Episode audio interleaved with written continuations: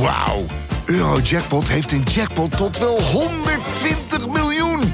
En dat is zoveel money. Daarmee kan je een weekendje weg. Met je vrienden. In space. Koop je lot in de winkel of op eurojackpot.nl. Eurojackpot. Een spel van Nederlandse Loterij. Speelbewust 18+. Plus.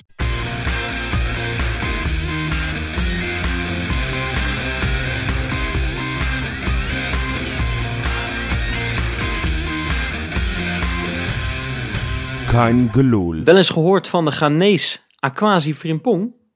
Nee, ik bedoel natuurlijk niet die rapper die een einde wilde maken aan Zwarte Piet. Ik doel op de in Nederland opgegroeide Ghanese skeletonner Aquasi Frimpong. Vlak nadat Feyenoord Groningen werd afgefloten en Bart van Hintem voor de harde kern van Feyenoord de horlepiep danste alsof het zijn laatste was, moest ik heel even aan deze Aquasi Frimpong denken. En waarom? Nou, dat leg ik je even uit. Aquasi Frimpong had jaren van zijn leven opgegeven om op de Olympische Winterspelen het Afrikaanse continent trots te maken. Als skeletonner dus. Maar vlak voor hij zich kon kwalificeren voor de Spelen in China, kwam het vreselijke nieuws. Een positieve coronatest. Nog voor het er echt om ging spannen, haakte hij af. En juist zo zie ik de situatie van Feyenoord een beetje. Want nog voor de eredivisie in de maanden april en mei aanbeland is, doet de ploeg van Arne Slot niet meer mee in het titelgeweld. In de competitie resteert een strijd met AZ en misschien wel met FC Twente om de derde plek. Terwijl die wetenschap zaterdagavond indaalde, besefte ik dat dit soort potjes winnen of niet winnen helaas het verschil is tussen een topseizoen en een goed seizoen. En laten we wel wezen, juist wij hebben afgelopen zomer in de podcast met klem gezegd dat dit een seizoen is waarin we niet te veel van Feyenoord moeten verwachten. Waarin we de beleidsmakers en de trainer de tijd geven om de nieuwe koers te varen. Waarin we vooral het proces moeten respecteren. En waarin we genieten van de pieken en leren van de dalen. Maar het zal het aard van het beestje wel zijn. De oppervlakkige gedachte van deze supporter is toch de vrees dat Feyenoord komende zomer weer helemaal opnieuw begint. Zeker wanneer je twee of misschien wel drie sterkhouders verkoopt en maar moet afwachten hoe hun vervangers presteren. Dat juist het beste voetbal dat ik Feyenoord in jaren heb zien spelen zonder tastbare beloning blijft, ja, dat is voor mij niet te verkroppen. Of toch wel? Want in de competitie doen we dan misschien niet meer mee om de knikkers. Gelukkig draait Feyenoord Europees nog volle bak mee. Het welbekende vangnet is niet langer meer de landelijke beker, die een misgelopen titelrace al zo vaak vergoeilijkte, maar een Europees toernooi, de Conference League. Ja, en Arne Slot laat ons dromen. Dus tijd om te treuren is er nog lang niet. Dat was de aftrap van een gloedje nieuwe Keingeloel. Ja, je hoort het al, dat doen we op afstand. Er is uh, helaas weer corona in uh, de Keingeloel crew ja, gesneakt. Maar ja, goed, op afstand kunnen we ook uh, prachtige dingen maken. En dat ga ik deze week doen met Jopie. Hey. En met Misha. Hey, Wes. Jazeker, het is er drie maal zetten. Zeeland, Zierikzee, oh nee, trouwens, dat zijn er gewoon vier. Zierikzee, Zoetermeer en Zwitserland. Jazeker. Ja, het, het, klinkt als een hele foute boyband. Zet, zet drie, maar het is, uh, ik, ik hoop dat wij uh, ja, ook wat zoete deuntjes weten te brengen vanavond. In de vorm van mooie woorden over uh, ons geliefde Feyenoord. Want, ja, ja, en voor, vooral een beetje opbeurende woorden misschien ook wel. Hè? Ik bedoel, ja, ik, ik verwoordde mijn gevoel een beetje in de aftrap. Ik was afgelopen zaterdagavond echt niet te genieten. Ik weet niet hoe het met jullie zat, maar ik kan me niet voorstellen dat het heel anders was. Hij kwam hard aan. Het was ja. een, een, wedstrijd die je van tevoren denkt van nou, daar gaan we uh, redelijk makkelijk van winnen. Ondanks dat die uitwedstrijd helemaal geen makkelijke wedstrijd was gebleken. Maar ik, ik had geen enkel scenario, had ik rekening gehouden dat wij thuis punten zouden verliezen tegen FC Groningen. Um, ja, je, je, dacht steeds aan plek 2. En nu is de realiteit dat we toch vooral weer naar beneden moeten gaan kijken. Want het gat met PSV is inmiddels 6 punten. Het gat met AZ is nog maar 1 punt. Ja, en vergeet FC Twente niet, Johan. Nou, ja, ook uh, terecht. Daar moeten we ook naar gaan kijken. Maar goed, ik, uh, ik, ik vind dat best, uh, best vervelend, die constatering. Dat, dat je toch ja, zelfs nog eventjes hebt nagedacht over de call single misschien. We stonden er dicht op. Ja, en nu, ja, deze, deze, twee, deze twee puntverliezen, vorige week in Alkmaar en nu dan tegen FC Groningen, die hakken er wel in. En, en misschien is het meer wel het, het, het spelbeeld in de eerste helft. Want Ja. Ik denk dat deze wedstrijd, als je het gewoon weer analyseert, best wel weer in het verlengde past van eh, heel veel andere wedstrijden waarin we punten hebben verloren. Hè? Denk aan FC Twente, denk ook aan Groningen thuis, denk aan RKC. R- RKC. Weet je, dat zijn allemaal van die wedstrijden waarin je niet minder was, maar uiteindelijk wel niet met de volle buiten naar huis gaat. Dat was nu weer. Weet je, als je al die kansen weer ziet, eh, dan is dat eh, eh, toch weer een mirakel dat we niet met drie punten naar huis gegaan ja. zijn. Ja, het blijft toch wel ja, een herhaling van zetten of zo. Dat, dat wij op een, een of andere manier dit soort wedstrijden toch uiteindelijk niet kunnen winnen. Terwijl ik vorige week heel erg stellig was van... Ah, we moeten die wedstrijden ook nog maar eens thuis zien doen. Maar als we zo beginnen... Nou, kijk, Groningen was gewoon, die heeft ons overklast. En, en dat is ook een compliment waardig aan FC Groningen. Ja, die waren de eerste 20 minuten echt heel goed. Ik dacht naar, naar, naar RKC en ook eh, en NEC eh, en Sparta, waar alle twee eh, ploegen, alle drie ploegen die met vijf verdedigers speelden. Ik dacht, nou, van dat trauma zijn we wel verlost. Maar FC Groningen, eh, die deed het gewoon heel slim. Die voetbalde ook gewoon echt heel goed. Dus ook echt Ja. complimenten richting FC Groningen. Snapten jullie de, de wissel Pedersen-Geertruida? Nou, Want eh, omdat Geertruida in de wedstrijden tegen NSC en zo... Ja, het prima deed. En had ik Pedersen niet zo echt verwacht eigenlijk. nee, ik vond, ik, ik vond het eigenlijk... Ja, je merkt toch dat er ook eh, onder het legioen een soort... eh, ja, twee kampen zijn. Want heel erg veel mensen vinden Geertruida nog wekelijks slecht spelen. En daar snap ik echt helemaal niks van. Nee. Nee. Eh, want ik vind Geertruida, eh de potjes die hij dit seizoen in de basis begon... en er zal vast wel eens een, eh, een uitzondering naar beneden bij zitten uiteraard. Hè, zoals het voor iedereen geldt. Maar ik moet zeggen dat ik, eh dat ik Geertruida een hartstikke steady seizoen vind spelen. Eh, verdedigt hartstikke goed. Heeft al een paar keer Senesi goed eh, vervangen. En juist Ja, tegen aan de andere kant de 5-3-2 spelende teams was hij echt heel goed. Daar voegt hij op het middenveld als een extra eh pionnetje. Voegt hij daar best wel veel aan toe. Ja, maar ik vond, ik vond dat Pedersen, eh, zeker die eerste 20 minuten, want Johan noemt het, Groningen was die eerste 20 minuten echt eh, echt, ja, net iets beter dan Feyenoord. Maar de keren dat Feyenoord eruit kwam, vond ik de rol die Pedersen had, nou, die kon je duidelijk zien. En hij stond echt een paar keer, leek het wel, rechtsbuiten eh, met die balletjes. Dat was eh, grappig om te zien. was mega gretig. Die had zoiets ja, van, ik ik heb was al echt die... vreselijk gretig. Ja. die- die- Oh, maar ik zeg ook niet dat hij frustratie- slecht speelde, hè? Nee, hij, spe- hij was een van de betere misschien nog wel. Maar eh, je, je merkte gewoon dat hij zo graag wilde. Want hij, hij nou, maakte, was soms iets te enthousiast. Dat ik dacht, joh, iets een beetje doseren. Want anders hou je het einde van de wedstrijd ook niet. Nou, dat, dat bleek ook zo Is te zijn. Dat hij uiteindelijk niet die 90 minuten heeft kunnen spelen. Maar ik was met name geschrokken. Weet je, eh, we, krijgen wel eens het kritiek dat we te positief zijn. Kijk, ik vind Arne Slot het beste wat Feyenoord in, in jaren is overkomen. Ik, ik ben zo gigantisch blij met wat die man voor de club heeft betekend inmiddels al. Ondanks dat Is dat zo, ja? Ben jij echt blij, ja? Ja, oh, ja, ja. Dat hebben we gelukkig niet zo heel vaak Nee, eh, hier is- zo in deze podcast gezegd. hebben. Maar, maar ik, ik ben ook iemand die wel gewoon kritisch is wanneer dat nodig is. En als ik dan achteraf het artikel op VI Pro lees en, en, en hoor dat Arne Slot ervan uitging dat eh, eh, Groningen met een, eh, een eh, 4-2-3-1 zou gaan spelen. Dan denk ik, ja goos, dat, dat, dat- deze had je toch van mijlenver zien aan kunnen Het is niet komen. helemaal waar, hè, wat je nu zegt. Hij heeft voor de camera's gezegd dat hij met twee varianten heeft, rekening heeft gehouden. En ook de variant waar Groningen nu mee speelde.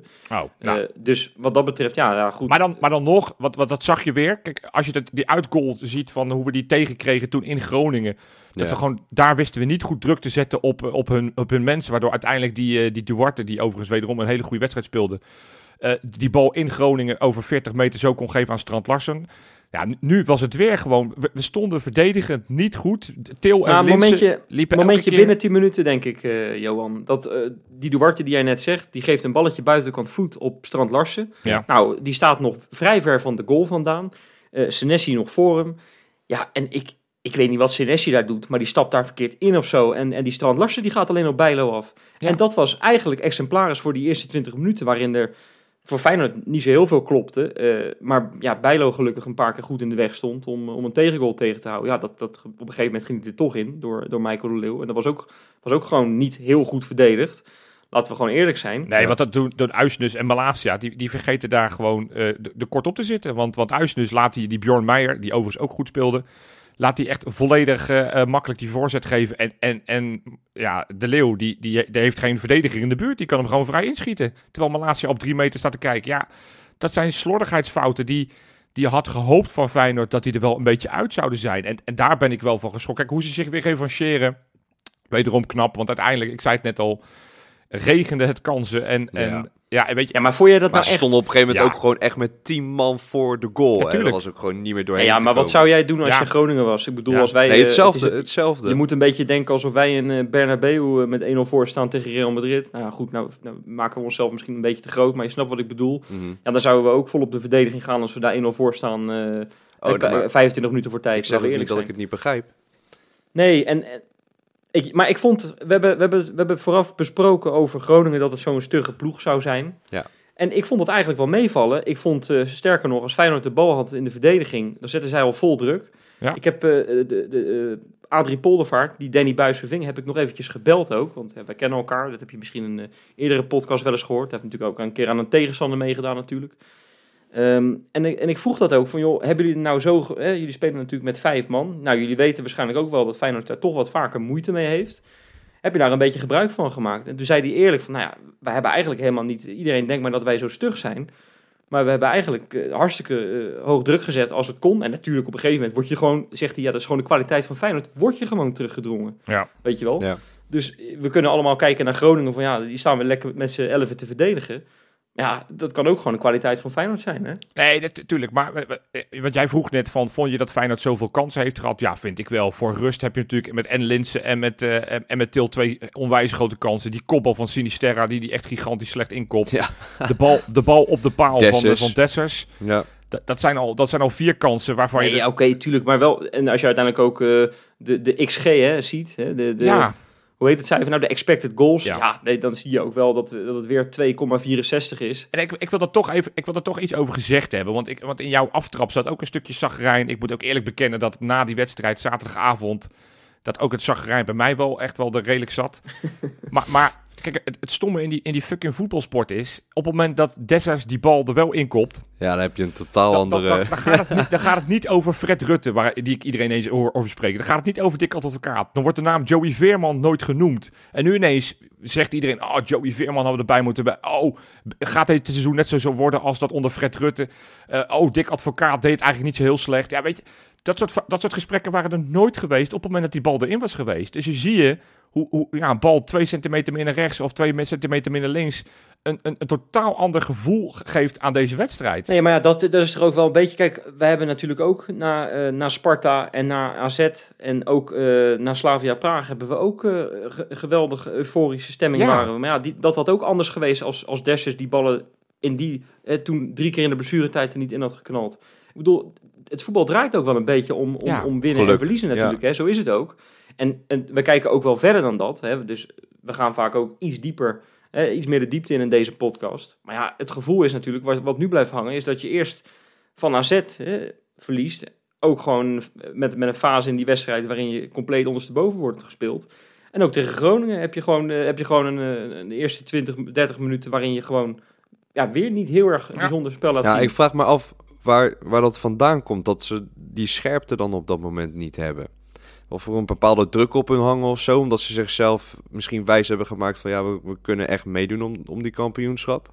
Ah, dat, dat is eh, eh, wederom vervelend van zo'n zaterdagavond. Want dan zit je de hele zondag zit je geïrriteerd naar al die andere voetbalwedstrijden te kijken. Want ja, hè, Ja. dan zie je ook nog allemaal op het, op het valreepje eh, het onterecht met hensballen en zo. Of met, met bullshit penalties die ze winnen. Maar, maar ik, want ik, ik, ik zie nu ook dat mensen heel erg beginnen te piepen en te zeiken over... Ja, weet je, met een spits dan, met een spits dit. We gaan het straks echt nog over Linsen en over, over Dessers en over Til hebben. Dat lijkt me wel terecht. Ja. Maar, maar je ziet ook Ajax met een, met een, met een, met een spits die eh 25 miljoen gekost heeft en relatief makkelijk ook in de Champions League eh, scoort. Dan zie je ook dat Ajax het ook maar de, de me- meest grote moeilijkheden heeft in eigen huis tegen RKC. Dus we moeten nu niet denken dat als we straks een, wel een spits zouden hebben die er makkelijk 20 maakt, dat het dan even allemaal opgelost Nee, is. Maar is bij Ajax soms. is het- En soms heb je En pech. dat is, zonder nou, zonder nou eh, gelijk eh, een hele analyse over Ajax los te laten. Bij Ajax is het vaak eh, het- toch een beetje een uitzondering, dit soort wedstrijden. Die, zei, eh, die, die hebben niet dit dus. vaak. In eigen huis tegen RKC. Nee, ze hebben het nu twee keer achter elkaar. Ja. Maar Feyenoord heeft dit seizoen echt best wel vaak gehad. Dat Ja. we gewoon... Dat we gewoon die, die, die spits, dat, dat, we, dat daar iets aan mankeerde op de een of andere Ja. manier. Dat, de- we hebben Dessers voor open doel zien missen. Tegen Twente karrevracht aan kansen twee keer. Linse vaak één op één. Ja, Ja, maar eh, het, probleem, precies. het probleem bij Linsen nu is, want nu, ja, hè, dan hebben we de, de, de, de roze olifant in de kamer, hebben we dan ook maar eens aangepakt. De roze olifant in de kamer. Ja. goed. ja, maar, maar acht balcontacten. Dat, dat, en dan Ja. heeft hij, heeft hij 60 Ja, dat is minuten bijna gespeeld. Dat, dat geeft wel aan dat hij... Ja, en, en het is niet, dat is niet... De laatste weken heeft hij al relatief weinig balcontacten. Acht is wel echt een, een vreselijk dieptepunt. Dat betekent dat op een of andere manier de chemie met, het, met de rest van de ploeg... We, we weten hem niet te vinden. Ja, hij wordt ook niet echt in betrokken of Nee, zo. ja, het is een combinatie van beide. Want, want Dessers in dat half uurtje heeft 12 balcontacten. Dus die, weet je, die, die is veel makkelijker. En nou, die, die is al bij drie kansen is die betrokken. Dus Nee, maar je zag hem toch ook op een gegeven moment eh, in de eerste helft. Ik weet niet of jij dat al vanaf de tribune hebt gezien. Maar zag je Jaan Baks die een, eh, die een actie maakte en die wilde een voorzet geven. En die geeft hem eigenlijk een beetje op de, ja, op de 4 meterlijn. Ja, en wie staat daar zo weer eh, Ja, klopt. totaal niet? Ja, Linsen die staat gewoon Ja. nog 5 meter erachter. En die staat dan met zijn handjes zo van ja, je moet hem hier geven. ja, ja dat, is, dat is frustrerend. En, en dat, dat, nou ja, we, we hadden het toevallig- donderdag al gezegd. Je moet Linsen geen, eh, geen basisspeler maken, want die scoort eigenlijk nooit tegen Groningen. Tegen Zwolle scoort hij wel. Nou, de- dus dat is dan in ieder geval een geruststelling voor volgende week. Maar ik, ik denk dat het momentum, en we gaan straks in het laatste item er uitgebreid over hebben. Het momentum nu voor Dessers wel is om hem een keer een basisplaats te geven. Want Lindsay, je kan, je kan alles van hem zeggen. Hij werkt hard, ja zeker. Maar, maar het, is al, het is al weken niet goed. En, en dan moet je op een gegeven moment moet het, wordt, moet het een plek op de bank worden. Ja. En, en, en het- hetzelfde geldt voor, voor Guus Til. Want wat, wat die aan het doen was, ja, dat, daar ben ik ook nog steeds nieuwsgierig naar. Want die had Ja. zoveel ruzie met die bal. En ja, Ja, maar wij hebben wel eens, dat is wel interessant misschien, hè? wij hebben best wel eens achter de schermen in onze appgroep, in onze befaamde appgroep, hebben wij discussies gehad. Ja. Zeker, dat was toen een beetje rond de winterstop. En dan vroeg ik jou van, joh, maak nou eens een top 10 met spelers die, die eh, van dit seizoen, waar jij een beetje van zegt van, nou, die zijn mijn, dat zijn mijn favorieten. Ja. En ik kon het eigenlijk gewoon niet begrijpen dat Til daar niet in stond. En Nee. natuurlijk heb ik ook wel gezien dat hij echt wel wat houterig voetbalt. Maar ik bedoel, ja, tot op heden heeft hij 19 goals gemaakt voor Feyenoord. In één seizoen, dat is hè, eh, Eredivisie en Conference League bij Ja, ja. elkaar. Ja, dat is, dat is hartstikke veel, weet je wel. Dat, is, dat hebben we al jaren hebben we dat onze nummer 10 niet, eh, niet zien doen. Dus wat dat betreft eh, begreep, ik dat, begreep ik dat vaak niet. Maar ja, ah, ja ik bedoel, als zo'n speler nu al een paar wedstrijden op rij, en net zoals Brian Linsen gewoon ja, niet echt levert, weet je wel, in het, het spel eigenlijk alleen maar slechter maakt in plaats van aantrekkelijker, ja, dan wordt het problematisch. En dat is, nu aan, dat is er nu aan de hand. Ja, en, en we noemen nu deze twee, maar die andere twee companen voorin waren natuurlijk ook desastreus. Want Sinisterra was, was echt weer niet, niet om aan te zien. En, en, en Jaan Baks, Jaan nou, dit was Baks, misschien wel ja. zijn slechtste wedstrijd. Dit was, echt, dit was echt niet te doen. Ja, als je dan de vier voorin allemaal niet in vorm hebt, ja, dan heb je, dan heb je, het, heb je het elke week lastig. Dus Nou ja, maar gelukkig zijn daar de, de invallers. Ja. Ja, we gaan het zo meteen natuurlijk in de voorbeschouwing erover hebben. Dan, eh, dan is één van die invallers er helaas niet bij. Maar Nee. Eh, ja, laten we maar gewoon eh, met eh, de doelpuntmaker beginnen. Cyril Dessers. Ik heb een leuk statistiekje voor jullie. Ik weet niet of jullie het gehoord hebben. Maar hij heeft eh, dit seizoen als invaller al vijf goals gemaakt in de Eredivisie. ja, dat is net zoveel als Jozef Kieprits Ja. in, 2000, of, sorry, in 1992, 1993. Dat is een record, hè? ja, Voor de duidelijkheid. Dat dus dat, dat zijn echt hele indrukwekkende cijfers. ja, leuk. Ja, hij, hij viel weer lekker in. En ja, er was een discussie, moet die ene bal erin, ja of nee? Nou ja, goed, ik, ik denk dat hij er wel in had gemogen. Maar het is weer fijn om hem er weer bij te hebben, want... eh, dat heb je de afgelopen weken ook wel gemist. Ook tegen AZ had je natuurlijk niet echt een punch die je kon inbrengen, die, eh, die het echt anders kon doen dan Linsen. Dus het is weer blij dat Dessers terug is. En, eh, Heb jij die, die John van Beukering actie van hem gezien? Ja, dat hij... Dat hij Hij kreeg na die 1-0 kreeg hij, kreeg hij nog Ja. een balletje in de diepte en hij Ja. kon er achteraan. Maar ik weet niet wat hij deed. Maar ja, John van Beukering wordt er al 12 jaar om uitgelachen. Hè, om ja, dit. maar weet je wat het is? Ik, dat heeft te maken met, met het juichen. Want heb je gezien hoe energiek hij aan het juichen was? Hij Hij was het is- blij. Nou, dat, ik heb inmiddels al 25 keer heb ik het op repeat gezet. Van, hij doet 24 acties in één. Hij rent naar het publiek. Hij slaat op zijn borst. Hij struikelt. Hij, hij draait zich nog een keer om naar het publiek. Ik, ik vind het heel... Hij, hij juicht echt tering mooi. Echt heel erg puur. En, dit, is eh, met, dit is met Andy van der Meijden afgesproken, geloof ik. Hè, om die, om die pijl en boog te doen. Oh, oké. Eh, dat, eh, of met Touzani, een van de twee. Ik heb het nou voorbij zien komen een keer. Hij had het afgesproken. En eh, dat deed hij. Maar hij wilde inderdaad 26 dingen tegelijk doen. maar ik vond het wel mooi, wel mooi om te zien. Nee, maar hij is, hij is ook gretig, weet je. Als we het dan toch, we hadden het net over dat eh Pedersen gretig was. Ja, die, is net, die staat er weer voor het eerst in tijden vanaf het begin in. Dessers kan zich weer laten zien en scoort Ja. weer een keer, wat hij al een hele tijd niet gedaan had. Ja, en als we dan toch het over gretigheid hebben. Dat was een mooi Ja, voorzetje van wa- Walemark. Och, maar dat, wat een fijne speler, man. Ja. Ja, het is, het is een fijne speler. Kijk, eh, eh, ik, we, moeten hem ook pas echt gaan oordelen als hij nog iets meer laten, heeft laten zien. Want het zijn steeds flesjes, ook op het einde van de wedstrijd, waarin de tegenstander toch een beetje moe gestreden is. Maar wederom liet hij met die ene rush door, tussen vier, vijf mensen, waar hij eigenlijk misschien had moeten schieten, liet hij toch even zijn klasse zien. En dat voorzetje waar uiteindelijk die, uh, ja, die goal van Dessershart moeten komen met die bal op de paal.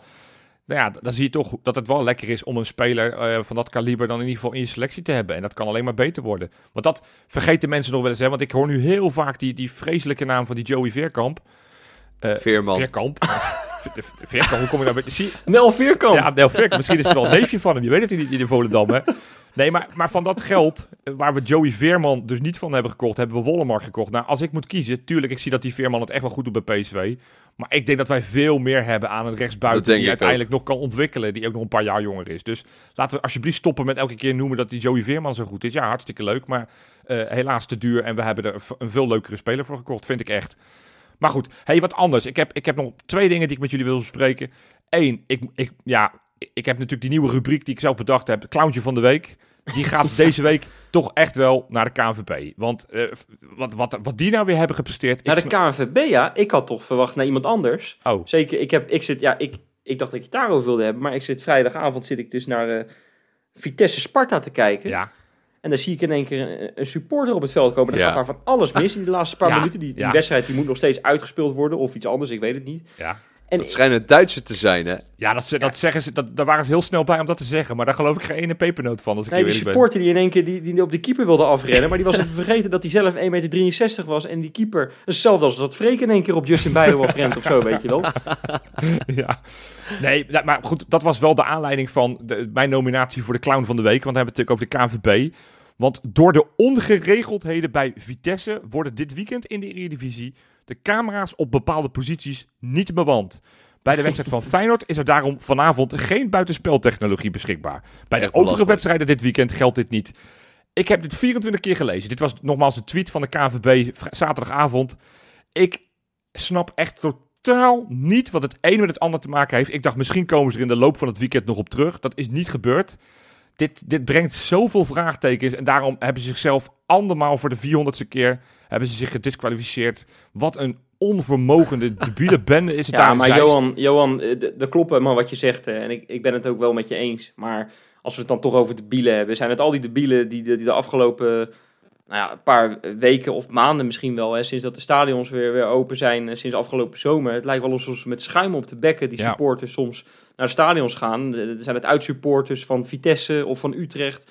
Eh, ook bij Feyenoord hebben we een blikje Red Bull eh, op het veld gesmeten Ja. zien worden. Ja. Het, gaat, het gaat verdomme hartstikke vaak fout, man. En wat, wat, wat willen die gasten nou bereiken? Dat, want het gaat nu al gaat het erover. Ja. Er wordt de vraag opgeworpen van... moet de uitpubliek nog welkom zijn bij Nee, Eredivisie-wedstrijden? ja, dat is eh, terecht. wat, wat, wat, wat, wat zijn deze mafkezen nou met z'n allen aan het Ja, doen, eh, ook in het verlengde daarvan. Aanstaande donderdag gaan we natuurlijk weer eh, Europa in. Ik, ik hoop dat echt iedereen zich weet te gedragen in dat stadion. Want de UEFA die, die is niet scheutig om de boetes uit te delen of eh, andere sancties. Het, het, het zou echt een doodzonde zijn dat we straks echt, echt die, die, die road naar Tirana mogen volbrengen. En dat we dan straks in de halve finale geen supporters mee mogen nemen. Dus Nou, iedereen, of het nou een Europese wedstrijd is, een landelijke competitie, bekerwedstrijd. Gedraag je, gooi niks op het veld eh, en zorg dat de club niet in de problemen komt. Hey, als laatste, voordat ik naar mijn befaamde, belief, geliefde bakers ga, ik had nog even een quizvraag voor jullie. Ik doe? Ben ik zoals... bij, hè, Jopie? Ja, ik, ik geef jullie weer de tijd om er even over na te denken. Want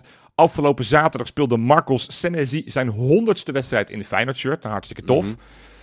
Eh, sinds zijn debuut in 2019 eh, bij Emmen uit was natuurlijk zijn allereerste wedstrijd. Die liep natuurlijk niet zo heel goed. Eh, Daar, daar leek het een miskoop. Nou, inmiddels kunnen we wel zeggen dat het gewoon een prima speler is gebleken. Maar mijn vraag aan jullie. In die 100 wedstrijden, met welke speler heeft hij nou de meeste minuten samengespeeld? Zo. Denk er even over na, komen in het einde kom ik erop terug. En dan nu Ja. de bakens. Bakens in de vette. Ja, jongens, het, het was weer. Het, dit zijn eigenlijk lieveling, mijn lievelingsweken. Als, als de wat obscuurdere namen eh fu- furoren maken. Want iedereen ziet wat het de vrije het goed doet. Of weet je wat, dat, dat soort prestaties. Maar dat, die, die liggen heel erg op de oppervlakte. Maar als, als we zeg maar in de wat lagere competities, in de wat minder bekendere competities opduiken, vind ik heel tof. Nou, op nummer drie heb, heb ik Christian Simon. Hey. Ja, ja, Christian Simon. Ja, Ja, hij man, nu? dat is die gozer die, die Feyenoord gewoon naar de zilveren bal heeft Ja, geschoten. zilveren hè, bal. 2010. Zeker, zeker. Nou ja, die, die is tegenwoordig eh, geen basisspeler meer bij zijn USPES. Mag alleen af en toe nog in een bekerwedstrijd opdraven als basisspeler. Hey, en toevallig moesten ze deze week een bekerwedstrijd spelen tegen Bekechaba. De kwartfinale van de, Zo, de Hongaarse beker. is geen makkie, hè? Nee, en, en na drie minuten knalde hij een bal van een meter of twintig lekker in het doel. Uiteindelijk werd die wedstrijd 2-3 en nu gaan ze in de halve finale spelen tegen Pax. En dat is de nummer 4 van de Hongaarse competitie. Ze staan zelf achtste, dus dat wordt een lastige uitwedstrijd. Maar ze staan in ieder geval in de halve finale van de beker, dus hartstikke knap. Ja. Op nummer 2, dan gaan wij naar Brazilië. Daar zijn inmiddels de Oh. staatskampioenschap van Sao Paulo worden daar gespeeld. Ja, dat, dat- heerlijk, heerlijk. Ja, dat is heerlijk. Hè? Ja, en, da- en, da- en daarin, mee. daarin doet Darley mee met zijn, eh, met zijn nieuwe club Mirasol. En die moest in de Campeonata Paulista moest die spelen tegen Sao Bernardo. En eh, nou ja, als, na 60 minuten kwam, eh, kwam zijn ploeg met 10 man te spelen. Het was daarna een heuse schietent. 25 doelpogingen kreeg, eh, kreeg zijn ploeg te verwerken, waarvan 9 op doel. En in de slotfase, in de laatste minuut van de reguliere tijd, kregen ze ook nog een penalty tegen. En wat doet Darley? Wat denk je? Hij houdt Hij hem. pakt hem. ranselt die bal eruit, waardoor het uiteindelijk 1-1 blijft. Nou, hartstikke knap, Darley. Goed gedaan. Maar ik vind het, weet je wat ik nou zo bijzonder vind? Ja. Jij hebt dan zo'n, zo'n, dat mogen de mensen best weten. Jij hebt best wel een aardig lijstje met al deze spelers erop die in deze rubriek terugkomen. hè? zeker, zeker. En dan, en dan zoek jij dan, zoek jij dan op die club of zo, hè, op een gegeven moment. En dan zie jij 1-1. En dan kan je denken, nou goed, eh, Nee, niet de- een dikke overwinning of zo. Of, De diepte nou, in. Ik, ga er voorbij. Maar Ja. jij kijkt al die wedstrijdjes, kijk jij gewoon even of een samenvattingje, of wat is de score Ja. geweest. Samenvatting. Ik heb, als ze er zijn, want bij de nummer 1 van deze week is er dus geen samenvatting te vinden. Dus dan moet ik het gewoon puur doen op de statistieken. Hou ik niet van, maar ja, soms moet het. Want ik ga voor de nummer 1 ga ik naar het tweede niveau in Slovenië. Want daar speelt Luis Pedro, Pedro. Zo. Die speelde op het derde niveau in Slowakije. Die is in de winter is die getransfereerd naar Slovenië. Daar speelt hij nu bij de club Iliraya. Nou, als je gewoon eventjes wil genieten om even aan te geven hoe klein deze club is. Ik heb ze opgezocht op YouTube. Daar hebben ze drie filmpjes, waaronder de Mannequin Challenge. Weet je wel, van vijf jaar geleden dat iedereen zo. Oh, ja, ja, ja, ja. Dat is een van, de drie, eh, een van de drie filmpjes. Daarna nog een presentatiefilmpje van een andere speler. En een een een 1-1 gelijkspel. Dat zijn de hoogtepunten in, in de 200 jaar geschiedenis van die club waarschijnlijk. Jezus Christus. Maar goed. In ieder geval, Luis Pedro maakte afgelopen weekend zijn debuut de- tegen Cusco. En hij maakte een goal en hij gaf een assist en ze wonnen uiteindelijk met 2-0. Nou, dat vind ik dan wel dat je een terechte nummer 1 in deze week van de bakers bent. Dus hartstikke gefeliciteerd, Luis Hey, Pedro. wat een schitterende week, Jopie. Ja, lekker. Goed weekje. Niks mis mee. Niks mis mee. Ja, gelukkig was het eh, niet alleen maar bar en boos eh, dit weekend. Of bar en boos, ja, puntje tegen Groningen. Ja, kan een keer gebeuren natuurlijk. Maar er was eh, ook heel erg leuk nieuws vanaf Varkenoord, waar de onder 18 van Feyenoord de leeftijdsgenoten van Ajax versloeg. Ja, daar worden wij heel erg warm van, Johan. Ja, natuurlijk. Elk moment dat we van Ajax kunnen winnen, dan, dan moet je dat vieren. Ik geloof dat er ook nog een wedstrijd bij de onder 10 ook nog gewonnen werd te- tegen Ajax. Ja, dat vind ik dan iets, eh, iets meer niche. Dat, Daar gaan we het niet over hebben, nee? Nee, want, want ja, dan, dan, dan kan ik daar niks zinnigs over zeggen. Ik, ik volg het pas van- vanaf een beetje de bovenbouw. Maar afgelopen zaterdag, ik heb de hele wedstrijd lekker zitten kijken op, op YouTube. Feyenoord z- zond dat weer mooi uit. De wedstrijd voor de beker kwartfinale tegen, tegen Ajax in eigen huis. En, en ja, dat vond ik wel een heel interessant pontje. Want dit, dit zijn toch de spelers die uiteindelijk straks ons richting die, eh, die eerste divisie moeten gaan schieten, vroeger of later. Dus ik was wel nieuwsgierig hoe ze ervoor stonden. En, en ik moet zeggen, het was geen geweldige wedstrijd. Uiteindelijk denk ik dat Feyenoord terecht gewonnen heeft. En, Nou, en, dat en wat ik ex- extra knap vind als je dat elftal een beetje ontleedt.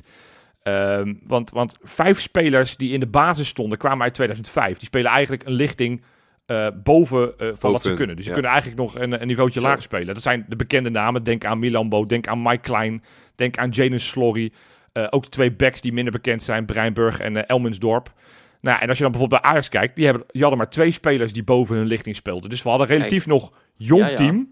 En, en dan nog weten we eh, eh, redelijk, eh, nou eenvoudig niet, maar het was 3-1 en in de slotfase werd het 3-2. Dus 3-2, dat geeft een beetje de indruk dat het eh, heel dichtbij was. Maar het is, Maar het is wel, het is wel, het is wel leuk dat het, dat, het, dat het gebeurt, weet je wel. Ja. En, eh, ik, ik kan me nog herinneren dat ik... Ik ga niet zo heel vaak... de- jij gaat echt veel vaker naar dit soort potjes. Jij vindt het ook leuk om, om te kijken. Nou, Ja. goed, als je niet kan, dan pak je nog een YouTube-streampje bij ook. Lekker. Maar ik, heb, ik ben dus in al, heel mijn leven naar één jeugdpotje geweest op Varkenoord. Ja, daar, daar hebben we het in deze podcast al 44 keer over gehad, volgens mij. Nou, nee, één keer. Want eh Feyenoord eh, verloor van Ajax en daar, eh daar moeten we het maar niet al te lang over hebben. Nee, ik, ik dacht dat je Dus- het over die befaamde Youth League wedstrijd, waar je elke keer Oh, als nee, hoor, nee, hoor, nee. ga je het over Malasia hebben, over die ene Youth League wedstrijd. Nee, zeker. Maar dat was, dat was een soort, dat was eigenlijk een soort professioneel voetbal, die of die, die youth Ja, League. precies. Nee, maar dat, weet je, dus, maar het is goed om te horen dat, het, dat er in, nou, wat is het, in een jaar tijd, twee jaar tijd, dat het allemaal goed gaat, in ieder geval. En dat team van Melvin Boel, daar zitten echt een paar, echt een paar eh, potentiële toppers bij. Hè? Ik word daar wel vrolijk van, als je het dan noemt zo. Zo'n Jaden Slory, nou, dat, dat moet ik echt nog maar zien. Over een paar jaar wordt dat, eh, dat is echt een potentiële ster, Ja, nee, ik het kijk, idee. Het, we, we vallen gigantisch in herhaling en misschien is dat ook een mooie brug richting eh, het, het bespreken van de onder 21 competitie. Maar je merkt gewoon dat Feyenoord steeds die, die laatste stap dat mist. En, en dat, dat merk je aan jongens als, als Jaden Slory. Misschien hopelijk dat hij dat straks niet heeft. Dat Feyenoord met een beetje geluk al in de tweede divisie uitkomt volgend jaar met heel veel, eh, heel veel succes. Maar, maar ja, je merkt bij, bij, bij PSV en bij Ajax en bij, en bij, eh, bij Utrecht en bij AZ... Ja, dat soort spelers kunnen op het moment dat ze die onder 18 hebben doorlopen... kunnen ze gewoon ja, mee gaan spelen op het ene hoogste niveau van Nederland. En bij, bij Feyenoord is dat helaas nog steeds gewoon niet Ja. het geval. Maar goed, vandaag, maandag nemen we dit op...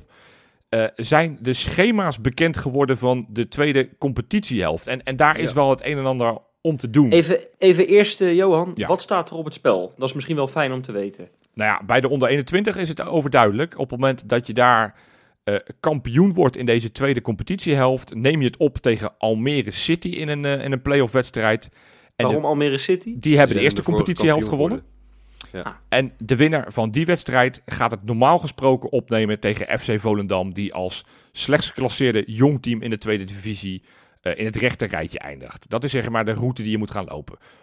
Daar waar je de eerste competitiehelft eh, pas vorige week hebt afgesloten met die overwinning thuis tegen FC Groningen, heeft de KNVB nu besloten voor alle jeugdcompetities eh, voor Feyenoord eh, om niet een dubbel programma te spelen, maar een enkel programma te spelen. Dat Ja. betekent dus dat je elke tegenstander maar één keer krijgt. Te beginnen met Pek uit. Ja, dat is, eh, dat is eh, nou ja, een nieuwkomer. Dat, die, die zijn kampioen geworden in de, de niveautje hieronder in de eerste competitiehelft. Dus die zijn gepromoveerd. Ehm, ja, ergens voelt het heel oneerlijk. Want hè, zeven wedstrijden speel je dus. Waarvan er dus in dit geval, in Feyenoord geval, maar drie thuis en vier uit. Dat voelt al... Ja, niet, Dat is raar. ja, dat voelt al niet helemaal fair. Nee. Het gunstig is wel... Ik Heeft heb het zitten- ook niet te maken gehad met corona? Dat ze nu gewoon in een hele korte Nee, dat, dat, dat is ook de reden eh, die uit geeft. spelen. zegt dat zij niet een volledig schema kunnen voorschotelen. Met ook de interland weekenden ertussen, die voor de jeugd internationals natuurlijk nog geldt. Eh, maar ik heb naar het schema zitten kijken. Wat wel fijn is aan dit schema. Want ik heb het hiervoor. Want die onder 21 moet dus nu gewoon alles winnen.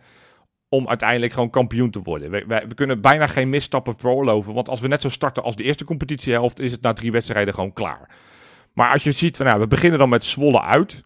Dat, is een, eh, ja, dat, dat, dat zou op zich een makkelijkere tegenstander moeten zijn. Ja. Daarna heb je eh, NEC thuis. Die zijn zesde geworden. Dat is de, zeg maar, tot van, van de acht teams. Dus dat valt wel mee. Daarna heb je ADO uit. Die zijn vierde geworden. Vervolgens heb je Groningen thuis. Die waren tweede in de eerste competitiehelft. Vervolgens heb je NAC uit. Die waren vijfde. Vervolgens heb je Almere thuis. Die waren eerste in de eerste competitiehelft. En je eindigt uiteindelijk met Willem II uit. Dus je hebt de makkelijke wedstrijden. Die speel je hè, tegen de makkelijkere tegenstanders speel je uit. En de moeilijkere tegenstanders, die krijg je thuis. Dat is Ja, wel maar Johan, voordeel. dat is Daar zit wel een voordeel in. Ja. Daar zit een voordeel in, want je, want je hebt al vrij snel het idee van... eh, jongens, we gaan dit gewoon flikken. En dan kan je... eh, ja, dit, dit, dit, dit, zo werkt het in de sport. Als je eenmaal gewoon bovenaan staat, heb je het gevoel van... nou, we, zijn in de buurt. We gaan boven onszelf uitstijgen die komende periode. Dus misschien een beetje een cliché, maar... Ja, ik zie, ik zie dit eigenlijk wel, wel Ja, goed komen hoor, en- Johan. En als je, het- als je het wil bereiken, en, en je, ik bedoel, kom op man, je bent Feyenoord en, eh, en ja, je, je hebt toch wel een betere, eh, een betere lichting dan, dan, dan al die clubs die je net opnoemt, mag ik hopen. Maar als jij dit jong Feyenoord eh, onder de 21 capabel om eh, deze competitie eh, te winnen? Nou ja, kijk, eh, als je, wat, zo heb ik ook gekeken. Want het eerste gevoel wat ik had toen ik, toen ik hoorde van de plannen van de KNVB, dacht ik, oh, wat is dit vreselijk. En dit is het nadeel van Feyenoord, want elke misstap is straks desastreus. Eén te veel, ja. Maar als je de laatste zeven wedstrijden van die competitie pakt, zou Feyenoord ook kampioen geworden zijn. Want ze begonnen natuurlijk slecht, maar de laatste zeven wedstrijden zijn we het best presterende team. Hm. Dus dat geeft wel aan dat, en natuurlijk op een gegeven moment zo'n Bannis is weggevallen. Want die is natuurlijk weggegaan naar NAC. Eh, je bent, eh bent Balde natuurlijk kwijtgeraakt. Antonucci zijn we- is weggegaan. ja. Maar wat je daar bijvoorbeeld voor terug hebt, is de speler Cole die Bassett, Ja, een Cole Bassett, die, die ja, volgens mij nog niet heel veel kansen krijgt in het eerste. Eh, Ramon Hendricks, ja, dat zijn wel spelers die ik nu nog veel meer echt mee zou laten doen met dit onder 21 team. Want het is ook wel te overzien. Zeven wedstrijden vlammen en dan nog twee finales. En, en je speelt in de tweede divisie. Ja, dat, dat, dat, het, het zijn inmiddels nog maar negen wedstrijden. De, en en ja, dat, dat is wel in handbereik. Dus dat betekent Ja, daar misschien... zullen ze echt alles voor moeten zetten gewoon. Ja, dat, Dat dat, is- dat, Het, ze zullen gewoon dom zijn als ze het niet zouden doen. ja, ja Vind toch? Vind ik wel, vind ik wel. Dus ja, ik, ik ben heel erg nieuwsgierig. Nee, maar weet je, we hebben het, al, we hebben het er al zoveel jaren over. Hè? We hebben, Je zegt het net, we vallen in herhaling, want we hebben al zo vaak... hebben we die beslissing van Martin van Geel en, en, en de zijne... hebben we hier al zo vaak aan bod laten komen. Ja, nu is er dus een manier om, om, om, het dus, om, dat, om die geschiedenis in ieder geval weg te poetsen. We hoeven het daar eigenlijk niet meer over te hebben. Het is nu gewoon presteren. Weet je wel, eh, als Feyenoord gewoon presteert, dan hoeven we het daar niet meer over te hebben. Speelt Feyenoord en dus als ze dus eh, kampioen worden en ze, en ze winnen die wedstrijden eh, die, jij net, die jij net noemde, onder andere tegen Volendam, Jong Volendam, die waarschijnlijk als laatste ja, geclasseerde jong team uit die tweede divisie eh, komen. Speelt Feyenoord volgend jaar gewoon tweede divisie. Nou, ik heb die, die competitie echt eh, vaak van dichtbij gezien. Dat is een hartstikke goede Tuurlijk, man. competitie hoor. Tuurlijk man. En we gaan er nu ook gewoon vol voor. Dus jong, jo- jong boys wou ik zeggen. Maar ik bedoel de Quick Boys en Katwijk en, en al die andere clubs. We komen eraan. We komen er echt aan.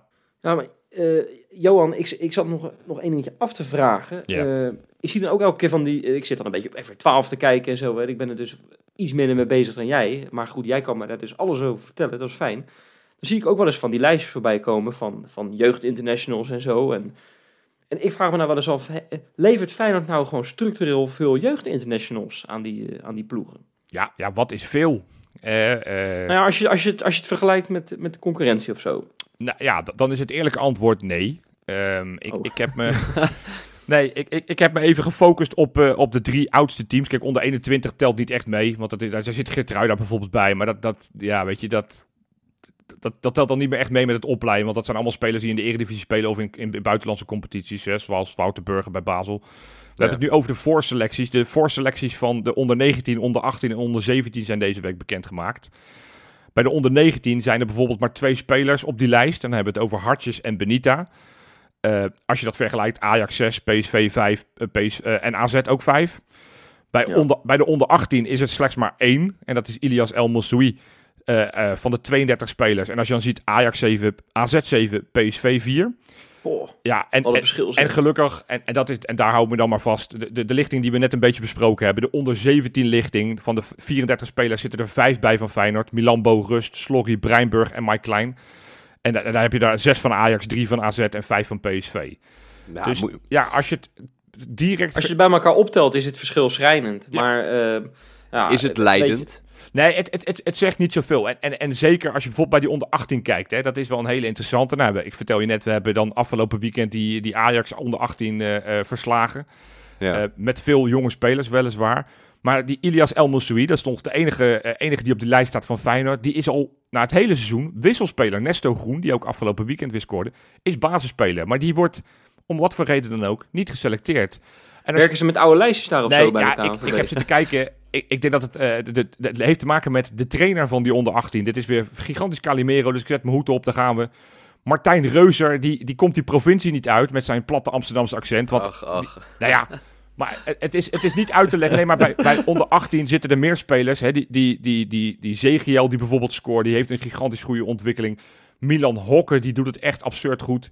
Dat zijn allemaal spelers die, die, Ja. die echt wel wat eh, in aanmerking zou moeten komen. Maar ik heb inderdaad zo'n Ilmas Soui. Ja, die, die presteert het hele seizoen nog niet zo heel goed. En, maar die zit er wel elke keer bij. En dan denk ik, ja, volgens mij is dat niet geheel terecht. Nee, er zijn ook, ik denk dat er ook wel wat potentiële internationals misschien ook wel geblesseerd zijn. Ik, ik heb zo- zo'n naam die ik best wel vaak voorbij heb horen komen de afgelopen jaren. En nu al een tijdje niet. Ik geloof dat hij heel erg zwaar geblesseerd is geraakt. Candelaria, als ik het goed Ja, zeg. ja. Dat was ook altijd wel zo'n zo'n international, toch? Nee, dat klopt. Die stond ook altijd op de reservelijst, linksback. Maar ja, die, die, die schoof dit, dit seizoen vervroegd door naar de onder 21. Eh, die zou ook nog met die onder 19, onder 18 mee kunnen doen. Maar ja, die is, eh, die is op dit moment geblesseerd. Dus ja, dat die dan niet geselecteerd wordt, vind ik wel een logische.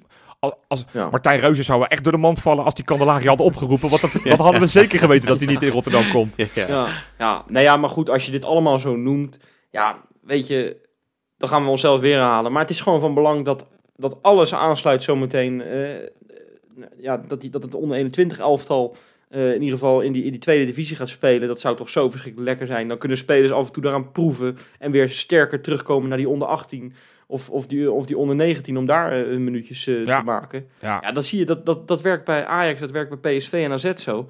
Daar ga je zo de vruchten van Ja, plukken, dus dat- dus we zeiden het al. Quick Boys, Spakenburg, noem ze allemaal maar op AFC. We komen er echt aan. Ja, boys, ik weet niet hoe het met jullie zit, maar eh, die kater van eh, naar Groningen, die eh, wil ik heerlijk wegspoelen met een heerlijk Europees avondje. In Belgrado, hè, tegen Partizan.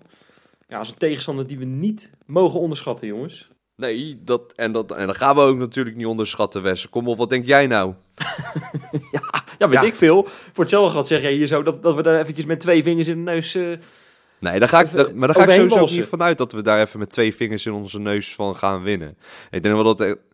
Ja, ik ga weer even heel typisch... eh, hè. Het wordt zo'n kut Oost-blokwedstrijdje, verwacht ik. Fanatiek sfeertje daar zo. Nou, ik heb wat beelden voorbij zien komen zijn op niet sociale normaal, media de afgelopen tijd. Maar dat hele, dat hele Belgrado, dat hele Servië schijnt eh, pro-Russisch te zijn. Pro-Russisch ook. Pro-Russisch zag ik geloof ik voorbij komen. Dus eh, dat is een gezellig boeltje daar zo. Ja, dat, dat Partizan Belgrado en Rode Ster Belgrado, dat is echt een van de, de gruwelijkste derbies. Dan moet je maar eens eh, op eh, YouTube zoeken. Dat, die hebben Ja. no pyro, no party. Hatsa, pak aan. Maar dat, dat heeft niks met party te maken. Dat is Nee. gewoon met, eh met, Echt met Ik, ik kan me nog herinneren, ik was best wel jong. Hè. Ik heb dit verhaal voor mij wel eens verteld. Dat, ik, dat ik altijd wel eh, onder de indruk was van die Danny Dyer. Weet je wel, die dan die reportage ging maken met die ja, ja, hooligans. ja. Het was ook zo'n periode, ik was toen 15, 16 of zo. Toen wilde ik zelf ook hooligan worden. Maar dat is, uiteindelijk is het niet gelukt. Ik had, eh, ik had spaghetti armpjes. Dat, dat is toch al een eh, eh, aardige ja, obstakel, denk ik, als je hooligan wil worden. Dat is wel een probleempje, Maar- ja. Ja, dat is een probleempje. Maar die ging toen in Belgrado langs, bij die clubs ook. Ja, nou wat je daar voorbij zag komen, jongens. Absurd, hè? ketting, kettingzagen, eh, hakmessen, eh, bijlen, weet ik het wat. Ja, dat is, dat is geen vrolijke boel daar, jongens. Maar even terugkomend op eh, de ploeg Partizan Belgrado.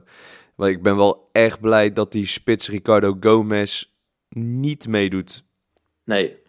Die had er al een paar in liggen, hè, dit Ja, seizoen. 21 doelpunten in, in volgens mij 25 competitieduels, als ik dat ja. goed zeg. Ja, met zes Conference League goals er nog bij, 27 in totaal. Hè. Dat, is, Ja. Dat is echt krankzinnig veel. Ja, dat zijn meestal van die spitsen die Feyenoord dan in zo'n uitduel echt kunnen killen. Dus wat dat Ja. betreft, blij dat hij er niet bij is. Ja, want man. hij heeft een schorsing. Hè. Hij heeft ook zijn tweede gele kaart Ja. gepakt, zeg maar. eh, dus die is geschorst voor die, in ieder geval die wedstrijd in, eh, in, eh, in Servië. Ja, ik, ik heb die wedstrijd, eh, die, die, zij hebben een play-off wedstrijd moeten spelen tegen Sparta Praag. Ja. En ehm, nou ja, hij heeft er eigenlijk in zijn eentje voor gezorgd dat, eh, dat ze door zijn. Want hij heeft drie keer gescoord. Maar ja, hij pakte wel eventjes een, een domme tweede gele kaart. Waardoor hij eh, waardoor die er niet bij is in die eerste Nee, wedstrijd. dat Nou, is eh, niet heel ik ben daar blij mee. Nee, ja, nee het, is, het is een ploeg die, die redelijk in vorm is. Hè, in de competitie. Toch wel, ja? Nou ja, kijk, je- Ze zei, ik, las, ik las een artikel, eh, ik geloof dat het VI was een paar weken Ja. geleden. Ze zijn de beste koploper van eh, heel Europa, van alle Ja. topcompetities. Ja, Ook alleen maar omdat Rusland eruit is gehaald. ja, ik wou net zeggen, want ze zagen niet bij de beste tien competities, maar dat Rusland er nu uitge, uitgeplukt is, zaten ze ineens bij de beste tien. Dus toen had, had de VI ineens een artikeltje om te typen. Maar goed, eh, eh, neemt niet weg dat ze eigenlijk in de competitie eh, het echt soeverein goed doen. Ze, ze hebben maar één verloren. 2,73 punt per wedstrijd, Ja, Jopie. ze hebben er maar één verloren. En dat was vorige week toen in, inderdaad in hun uh, aardsrivaal wedstrijd tegen Rode Ster Belgrado. Toen hebben ze wel flink klop gekregen, 2-0. Ehm, afgelopen weekend met de hakken over de sloot uiteindelijk toch weer gewonnen met een penalty in de, late, in de slotfase. Waardoor ze uiteindelijk met 1-0 winnen. Maar ze staan gewoon uh, eerste in, in Servië. Ze sta- staan in, eh, met nog een paar wedstrijdjes te spelen. Want ze hebben nog maar vier potjes daar voor het landskampioenschap. Ja, ik, ik, eh, ik vind het Ja, maar dat is toch hartstikke voor voordeel voor Feyenoord. Zij zijn eh, sinds 2017, hè, toen Feyenoord kampioen werd, is, is Partizan ook voor het laatst kampioen geworden. Eh, ze zijn ondertussen vier jaar achter elkaar, hebben ze moeten toezien hoe Rode Ster, Ja. hè, de aardsvijand, de, de, de, de stadgenoot, eh, daar met die prijzen vandoor ging. Vorig jaar Rode Ster nog met de dubbel. Eh, Rode Ster speelt ieder jaar weer Champions League of zo, weet je wel. Die zijn hartstikke jaloers daar in dat, bij dat Partizan. Dat, dat begrijpen wij ook wel een beetje. Ja, en, en nu kunnen ze dus dat kampioenschap binnenhalen. Dat telt daar. Tuurlijk. Ik denk dat, dat zij de focus volledig op die competitie hebben. Goed, ik kan daar niet in de kleedkamer binnenkijken. Maar ik kan me zo voorstellen dat, eh, dat alles op, dat, op, dat, op die titel wordt gezet. Hè, daar, wat je zegt, nog vier potjes. Ja, Ja, maar je- en dat- wat ze toch altijd zeggen, als je wint, dan voel je je benen niet. Dus, dus ik denk dat ze dan in ieder geval die twee potjes in ieder geval tegen Feyenoord, dat ze dan ook gaan als de brandweer. Zeker als die Gomez dan een wedstrijdje niet meedoet, dan kan hij even uitrusten. Eh, dus dus ik, ik, ik vind het eh, spannend. Kijk, mijn eerste, mijn eerste reflex als ik naar die, naar die lijst met spelers kijk, dan, dan ken ik er wel geteld één. Quincy Menig. En dat is inderdaad eh, voormalige international, al dus Frank de Boer, Quincy Menig. Nou, ze hebben daar ook nog een oud speler van Liverpool, die Markovic. Oh, nou Die ja, is daar nooit echt doorgebroken. Nee, ja. Die is- hebben ze toen verhuurd aan Fulham. Ik wou zeggen, wij, wij hebben Texera als oud Liverpool speler. Die is het, dat- dus, dus dat zegt natuurlijk niet zo heel gek veel. Maar Ja. maar ja, dus als ik die lijst kijk en als ik dan zie dat, dat Menig de, de, de grote tweede ster is met, als je het kijkt puur naar doelpunten en assist, want die heeft er ook tien in, in liggen in alle competities samen. Dan is je eerste gevoel dat je zegt, nou dat kan dan niet zo heel veel zijn. Want, want Quincy Menig kennen we wel van de Nederlandse competitie. En dat was zeg maar niveautje Twente, eh, Pek Zwolle zeg maar in de mindere fase, Ja. rechter rijtje. Maar ik denk dat het gewoon een, een, een, een lastige ploeg is. Spelen graag 4-2-3-1. Maar ja, als ze een beetje hun huiswerk hebben gedaan, eh, hebben ze wel ook gekeken dat Feyenoord vijf verdedigers niet zo chill vindt. Dus ze hebben zich bijvoorbeeld ook aangepast in die wedstrijden die ze in de eerdere eh, poolfases voor de Conference League speelden tegen, eh, tegen, tegen die Belgen. Tegen, tegen wie speelden ze ook weer in die Belgen? Gent. Tegen Gent hebben ze ook met vijf verdedigers gespeeld. Dus ook dat kunnen ze dus wel doen. Dus ik zou er niet automatisch van uitgaan, Arne Slot, dat het wederom vier verdedigers Maar die won. Gent uiteindelijk alsnog met 0-1. Precies. Maar als je, als je die route kijkt, ook in Europa, Ja, ja, maar Johan, de, ja, eh, eh, jij- mag het ook zeggen hoor, maar ik, ik had dit opgeschreven voor mezelf en ik schoot echt in de, ik schoot Nou ja, echt in de lach. maar, die route van hun. Ja, ja, het begon al met, ja, ik ga het proberen uit te spreken. Johan, jij doet dat best wel horny, maar ik, ik, ga, het ook, ik ga ook een poging wagen. Du- Dunajska Streda uit Slove- eh, Slowakije. Ja. Ik geloof dat dat nu de nummer 5 of 6 is. Ook een zwakkere broeder uit Slowakije. Daarna Sochi. Nou, dat is wel de nummer 4 van Rusland. Dat is wel een aardige uiteindelijk met penalties, hebben, ze- penalties hebben ze die eh gehaald. Precies. Ja. En ja, ik wist het helemaal niet, maar Santa Clara, nummer 10 van Portugal, ik had er echt nog nooit van gehoord, moet ik je eerlijk zeggen. Maar dat, dat, wa dat was hun play-off route. Hè? Die hebben dus, dat, wa waren de play-offs. En dan in die groepsfase, ja, Ja. dat is... Ja, kijk, hierdoor, door dit soort clubs die zij tegen hebben gehad, eh, wordt de Conference League als, als, een, als een soort lamme en de blinde competitie gezien. Dus wat dat betreft kan ik, kan ik Louis van Gaal af en toe wel een beetje begrijpen. Daar komen ze. FC Flora Tallinn, de nummer 2 van Estland. Ja, kom op zeg. An Anorthosis Famagusta, de nummer 4 van Cyprus. Mijn Goethe, man, dat, dat, kan toch niet? En daarna AA Gent, de nummer kan 5 toch van, van? België. Ja, dit is echt... Ja, Ja. dit kan echt niet. En daarna nog, En, en dan nog tweede worden in die groep. ja, en, en daarna Sparta Praag dan wel in de twee luiken eh, verslaan. Dat, dat dan dat wel. is dan wel indrukwekkend. nummer, eh, nummer drie van, eh, van Tsjechië. Ja, hun route is niet zo sterk geweest als die van ons. Al, al is in onze, onze voorrondes hadden we ook niet de meest denderende tegenstanders natuurlijk. Hè, met Luzern en, en die Zweden. En, en uiteindelijk Drita, waar, waar het toch nog moeilijker ging dan we hadden verwacht. Dat was een stiekem een best aardig ploegje hoor. Ja, dus, dus, nou ja, dus hun, eh, hun hebben wat minder weerstand misschien gehad. Maar ik denk dat zij tot het bot gemotiveerd zijn om het eh, te Ja. laten zien tegen, tegen Feyenoord. En zeker als je erover nadenkt, die Servische competitie, zoals al die, al die, eh, die, die Baltische landen altijd wel opleidingslanden zijn. Die Ja. weten natuurlijk dat de, de schijnwerpers er volop staan. En op het moment dat je nu de vervanger van die, eh, van die Gomez, dat hij bij wijze van spreken nu voor het eerst echt een basisplaats krijgt. Ja, dat is een ventje van 18. ja, dan zal je zien, dan gaat hij als de brandweer. Want die denkt van als ik hier eh, goed, goed presteer, Ja, precies. Ja. dan ineens, eh, dan zijn allemaal clubs in de wereld die me willen hebben. Dus ik, eh, ik onderschat ze geen zins. Ik, ik denk dat Feyenoord gewoon wel de, de ploeg is die, eh, die favoriet is over twee wedstrijden. is, we hebben toch eigenlijk, als je al die ploegen zag die wij hadden kunnen loten, dan is dit misschien toch wel de lekkerste loting. Zeker. Ja. Zeker, maar ja, ik, Maar ik vind het wel zaak dat, dat we deze wedstrijd uit wel gelijk winnen. Ja. En zeker met Zo. het oog op volgende week, omdat we dan daarna uit tegen Ajax moeten. Heb ik liever dat we hem aankomende donderdag al uitspelen. Dat zou eigenlijk eh, de doelstelling moeten zijn. Voor Dat Arne vind ik wel. Oké, nou ja, en dat, en, en dat wordt natuurlijk wel wat moeilijker, omdat natuurlijk, eh, eh, we hebben net eh, hier die, die, die Wolenmark helemaal zitten ophemelen. Ja. Ja. die is er niet bij, Die want niet die bij, is nee, geschorst. Guus Stil, de, de man die in Europa al zo vaak voor een goal zorgde. Nou, die is er ook niet bij, want die pakte natuurlijk die rode kaart tegen, tegen Slavia Praag, waardoor die twee wedstrijden geschorst was. Ik begrijp er nog niks van.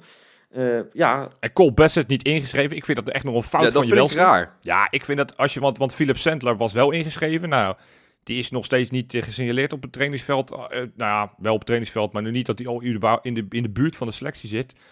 Ik denk dat ze niet geweten hebben dat Wollemark geschorst was. En dat ze dat pas recent hebben te horen gekregen.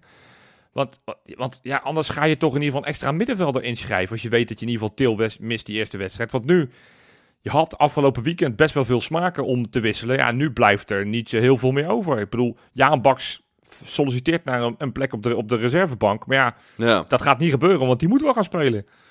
Tenzij die er een hele. eh, ja, wat, wat, wat op zich ook nog zou kunnen. Ik denk niet dat dit gaat doen. Maar het zou mij ook niet verbazen op het moment dat Pedersen rechtsbuiten gaat spelen. en Tornstra op de plek van Gustil.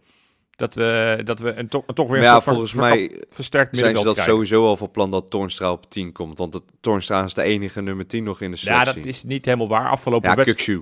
Ja, kan, die kan. Je hebt eh eh Sinisterra, die eindigde de wedstrijd afgelopen eh, zaterdag tegen, tegen Groningen. Deed hij overigens Reece Nelson hebben ze ook geprobeerd. Reece Nelson heeft inderdaad Ja. ook al een keer eerder. Dus het is, dus, Brian Linsen zou je nog achter eh Dessers kunnen zetten. Dus er zijn echt wel wat meer smaken dan Torstra. Maar ik kan me niet voorstellen dat hij niet met Torstra begint als aanvallende middenvelder. Of dat hij toch Torstra liever als rechtsbuiten ziet. En dat je dan toch een van deze varianten die we net eh, bedacht hebben, dat we die gaan doen. Ja, ik, eh, ik vind het interessant. Ik ben wel benieuwd hoe hij het gaat doen. Ik, eh, ik verwacht gewoon, eh, eh, ik verwacht wel Dessers in de spits. En ik verwacht eh Jaan Baks gewoon als rechtsbuiten. En dan Torstra als aanvallende middenvelder. En dan denk ik gewoon weer met Pedersen als rechtsback. Maar ja, of Geertruida, dat Ja. kan al twee. Wel. wat een gepuzzel weer zeg, Ja, eh, ja, Johan. De- als wij al zo mo- zoveel moeite ermee hebben, laat staan dan Arne Slot. Ja, hè? Die ja, moet het echt ja, eh, ja. doen. Hè? Ja. nou ja, la- la- laten, we het, eh, laten we het hopen dat het goed komt. Ja, wat ook wel interessant is, Arne Slot kent deze ploeg misschien een beetje. Of Ja. nou ja, de ploeg niet, de club misschien een beetje. Hij heeft natuurlijk met AZ eh, tegen Partizan gespeeld ook, hè? een paar jaar terug. Ja. Twee keer. 2-2 Ja. gespeeld. Ja, Allebei Ja. de wedstrijden. ja, waarbij alle tweede wedstrijden kreeg een speler van AZ rood. Dus Dus, ja. het is niet per se exemplarisch voor, voor hoe die wedstrijden zijn verlopen. Maar, maar hij weet in ieder geval de weg in het Servische stadion te vinden. Dus- En in de stad natuurlijk na afloop om het te vieren, denk ik. Nee, nee, want dit is pas een achtste finale. We, gaan pas Ah. vieren als we die finale winnen. Dus eh, we, gaan niet, eh, niet, al- we zijn geen kleine club. We gaan niet blij zijn met een kwartfinale. Dus nee, we gaan niks vieren. Dat, eh, dat doen we pas aan het eind van de rit. Wat overigens nog wel is... Een, een- ja, ik, ik wil dit eigenlijk niet bespreken, omdat ik dit hele tijd... Ik wist het al een tijdje, maar ik durfde dat niet, eh, niet mede te delen. Omdat ik dacht, ja, dat is het jinxen. We kunnen wel een probleem namelijk gaan krijgen, jongens. Vertel. Nou ja, die finale van die Conference League is op 25 mei. Ja. De play-offs voor Europees voetbal in de Nederlandse competitie is van 18 tot 29 mei. Dat zou betekenen dat je gaandeweg die play-offs, waarbij je ook hè, in, het, in dit seizoen weer gewoon een midweeks donderdag een wedstrijd speelt en dan zondag de tweede returnwedstrijd. Stel nou dat je niet vier- derde wordt en dat je toch afzakt naar die conference of naar die vierde plek. Dat betekent dus dat de KVB nou een puzzel van je welste moet gaan leggen. Of Ja, gewoon maar moet welke Hans Worst heeft dit nou weer in elkaar zitten nou ja, leggen dan? ze hebben er natuurlijk nooit van uitgegaan dat Feyenoord de, de, de, de Conference League gaat winnen. Dat hebben ze natuurlijk nooit bedacht. Die hebben natuurlijk ons zien stuntelen tegen Drita. Die dachten, nou, veilig. Maar het, het, eh, ik, eh, ik, nou, het is dus in het belang van eh, het hele Nederlandse voetbal dat AZ gewoon nu punten laat liggen. Dat Feyenoord dan uiteindelijk die Conference League kan winnen. En, en dat we dus ook die play-offs ontlopen. Dat lijkt me voor iedereen het beste, toch? Nou ja, op zich wel, op zich wel een mooi scenario, ja. Ja, of, En dan- of nog een ander is scenario. toch nog een leuk seizoen. Ja, of nog een ander Helemaal. scenario. Want, want daar, ja, Oh, mijn, mijn, mijn, mijn brein die, die draaft soms een beetje door, jongens. Want we, begonnen deze po- podcast met ja, wat, wat, wat teleurstelling, wat, wat boosheid, irritatie over eh, Ja. dat we, dat gat inmiddels zo groot is met de nummers 1 en 2. Maar misschien niet. Want er is, misschien niet. nou, er is natuurlijk veel ophef over Vitesse met die eigenaar van ze. Ik Ja. stel nu voor dat Vitesse per direct uit de competitie wordt gehaald. Want ja, Russische eigenaar, alle Russen worden nu geweigerd. Hey, en dan? Hey, ineens hebben we zes punten in mindering. Of tenminste, krijgen we de, die, die, die vallen weg. Dan staan we weer gelijk bij PSV. Dus overal rekening... En voor hetzelfde geld gaan ze failliet, dan, dan, hè, dan zijn die zes punten ook ineens weer weggeschreven. Dus misschien staan we wel dichter bij Ajax Ja, dan dat we is door het hebben. niet zo dat, dat die punten gewoon blijven Nee, dit zoals is, dit is een grapje. Ik, ik heb niet de illusie dat Feyenoord echt die, die zes punten alsnog cadeau gaat krijgen. Want dan, dan, dan gaan ze in Amsterdam en in Eindhoven misschien wel een beetje stuiteren. Maar je moet overal rekening mee houden. Want ik hoorde dan gisteren bij Studio Voetbal dat er heel veel, met name de grote clubs, toch wel heel veel last gaan krijgen weer van die financiële regelingen van, eh, vanuit het kabinet. Daar zal Feyenoord ook wel last van. Er, zullen, er kunnen echt nog ook op korte termijn clubs om gaan vallen. En dat, nou ja, dat zou ook weer iets kunnen betekenen voor de competitie. Maar goed, dat is allemaal zorg voor later. Gaan we het misschien Nou. wel een keer over hebben. Gaan we voorspellen? Ja, nou, we gaan zeker voorspellen, Johan. Ehm, ik, eh, ja, ik, ik- weet je, ik, ik zou zo verschrikkelijk blij zijn met weer een Europese eh, overwinning. Eh, weet, je, weet je hoeveel we er al hebben dit seizoen? Acht, hè? Ja. Acht Europese overwinningen. Dat is, eh, dat is sowieso dat is Een de beste eh, reeks uit... Ja, dat is een record. Dat is de beste reeks uit de geschiedenis eh, van Feyenoord. Zelfs het jaar dat Feyenoord de UEFA Cup won, maar vijf bijvoorbeeld. Hè, de, ik geloof het jaar van de Europa Cup 1, ik geloof zes of zeven. Nou ja, dat zijn krankzinnige cijfers. Eh, en daar komt gewoon nummertje 9 komt er ook gewoon aan. Want wij gaan, eh, wij gaan die wedstrijd winnen. En weet je wie zich weer gaat laten gelden? Nou, Cyril? Cyrilletje. Ja, Ja, dat- kan niet anders. Cyrilletje Dessers. Die gaat het weer doen. en hoeveel wordt het dan? Ja, 0-4 of zo. Oh, Gewoon, gewoon de, de, de thuiswedstrijd formeel afdoen met de reserves. Dat Nee. lijkt me goed. ja, ja we- Nee. ik geloof dat die onder 21, die gasten moeten ook nog een beetje Ja, precies, ervaring eh, precies. eh, krijgen, weet je wel. Dat zou wel lekker zijn. 0-4, lekker. Messi. nou, zo optimistisch als Wesley eh, ben ik niet. Ik verwacht wel dat, dat we gaan winnen. Ik denk een 0-2. Maar dat het wel een lastige pot gaat worden. Ja, dat, dat, dat, dat denk ik allemaal wel. Maar goed, ik, ik eh, wilde ook 0-2 zeggen. Maar laat ik dan voor de balans eh, eh, het op 0-1 gaan houden. Ik denk dat we gaan winnen met uiteindelijk een moeizame wedstrijd. Het zal niet sprankelen, maar uiteindelijk gaat Feyenoord op karakter winnen. En ik denk dan dat Linse als wisselspeler de goal gaat maken.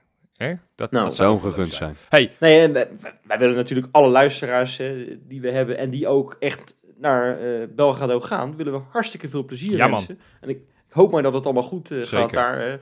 eh, dat de berichten die, die je altijd weer krijgt, die onaanspellende berichten die we ook hebben gehad toen we naar Berlijn gingen, dat die, dat die niet uitkomen. Nee, dat het één groot feest Het wordt wordt. één groot Feyenoordfeest. feest. absoluut. Hey, en wat ook een feest is, is de Kijkerpool. Want ja, het is, eh, het is toch elke Het was keer... voor mij niet zo'n feest. Nee, nee, het was voor heel veel Ik ben mensen het geen- vergeten. Nee, ja, het wa- maar heel veel, heel veel mensen die hebben echt heel slecht en laag gescoord. Eén iemand sprong er wel een beetje bovenuit. Maar ja, die had maar 17 punten van de 35. Dus dat geeft wel aan dat het geen hele denderende week was. De weekwinnaar deze week was Raymond B. En eh, ja, verder rest in het tussenklassement blijft Jason van der D. Blijft eerste, maar eh, Raymond B. staat nu op twee puntjes van hem. Dus die heeft echt een goede Oeh. inhaalslag gemaakt. Zo. Ik ben in Wordt het algemeen klassement de top 3 nu eindelijk ingetreden. Eh, maar ja, die Elgeffen die is eh, ongenaakbaar, dus daar gaan we niet heel veel aan veranderen. Maar eh, Ik, ik kan wel janken, weet je dat, Jopie? nou, Ja, in de negatieve zin van het woord dan. Want eh, ik, ik, ik, ik zit zo te hopen om, om jou en Robin over die auto te zien glijden. zonder shirt, weet je wel. Dat, jullie hadden natuurlijk die, die deal staan. Hè? Ja. Dat als iemand een keer alle vragen goed heeft. Ja, dat jullie dan, eh, dat jullie dan een auto gaan wassen. Sh- topless trouwens. ja. Eh, maar ja, het, het, het lijkt er echt niet van Maar te het gaan kan nog, het op de kan een of nog. andere manier. Het seizoen is nog lang, want we gaan nog helemaal naar Tirana. Dus we hebben nog genoeg kansen. En nou ja, aanstaande donderdag, dat betekent 24 uur daarvoor. Dus aanstaande woensdag gooien we hem weer online. En dan kan je gewoon weer meedoen. En waar je ook aan mee kan doen, is Patreon. Hey, ja, en we hebben weer een nieuwe Patreon. En die gaan we weer welkom heten. Tim Voskamp, welkom bij de club. En wil jij nou ook Patreon worden? Ga nou eens even naar onze website www.keingeloel.nl En dan zie je een kopje steun ons. En dan kan je een seizoenskaartje kiezen. Zo, Zo, dat is... eh, ja, ik zou het maar doen. Ik zou het maar doen. ja, zeker. Nou, daar kan je hele leuke dingen op horen. Absoluut, absoluut. Ja, tegenstandertjes en zo die ik maak, bijvoorbeeld. Ja, ja van, de week, Lospot- van de week had je Peter Houtman. En nu heb je... eh, ja, we, we zouden eigenlijk vandaag zou je iemand al gesproken hebben. Maar die was ook eh, be- besmet met corona. Dus die was ook Ongelooflijk, plat, die. Ongelooflijk. Wellicht komt er nog wat voor komende donderdag. We houden het echt even in Ja, het midden nu. ja. Zo, zo, zo vaag zijn we normaal gesproken niet. Nee. Maar ja, corona Thijs het ons allemaal, hè, schijnbaar. Helaas Dus, wel, eh, helaas wij. helaas. Als laatste. En dan sluiten, zetten we een punt achter deze mooie podcast. Die quizvraag. Ik had jullie een quizvraag gesteld. Hè? Marcos Ja. Senesi, 100 potjes gespeeld. Met wie heeft hij het meest samengespeeld? Ik denk dat ik het weet. Eerst mag Michel. Ik denk Bijlo. En wat denkt Wesley? Kukshoe. Nou, dat is alle twee dus niet goed. Het is Malasia. Nou, nou. Nee, is ook niet goed. Het enige goede antwoord. En ik schrok er van het aantal wedstrijden dat ze samen hebben gespeeld. Want er zijn namelijk 95 wedstrijden speelden zij samen. En dat is goed voor 7284 minuten. En dan heb ik het over Jens Toornstra. Ja, uiteraard. Ah. En op de tweede plek was het Kukshoe met 84 wedstrijden. En Malasia staat met 83 wedstrijden op plekje 3. Dus Bijlo En. Bijlo niet eens in het Nee. niet eens in Nee, maar ja? Bijlo is natuurlijk ook best wel geblesseerd Ja, geweest. dus, eh, dus Jens Toornstra is ook weer in dit rijtje is die gewoon weer de baas. Dus eh, ik hoop dat hij ook aanstaande donderdag de baas is. En dan gaan wij uiteraard na die wedstrijd gaan we weer een mooie nieuwe podcast opmaken. Hopelijk vol enthousiasme, vol blijdschap, Nou, dat, eh, dat mag ik ook vol hopen, ja. doelpunten voor Feyenoord. Tot donderdag.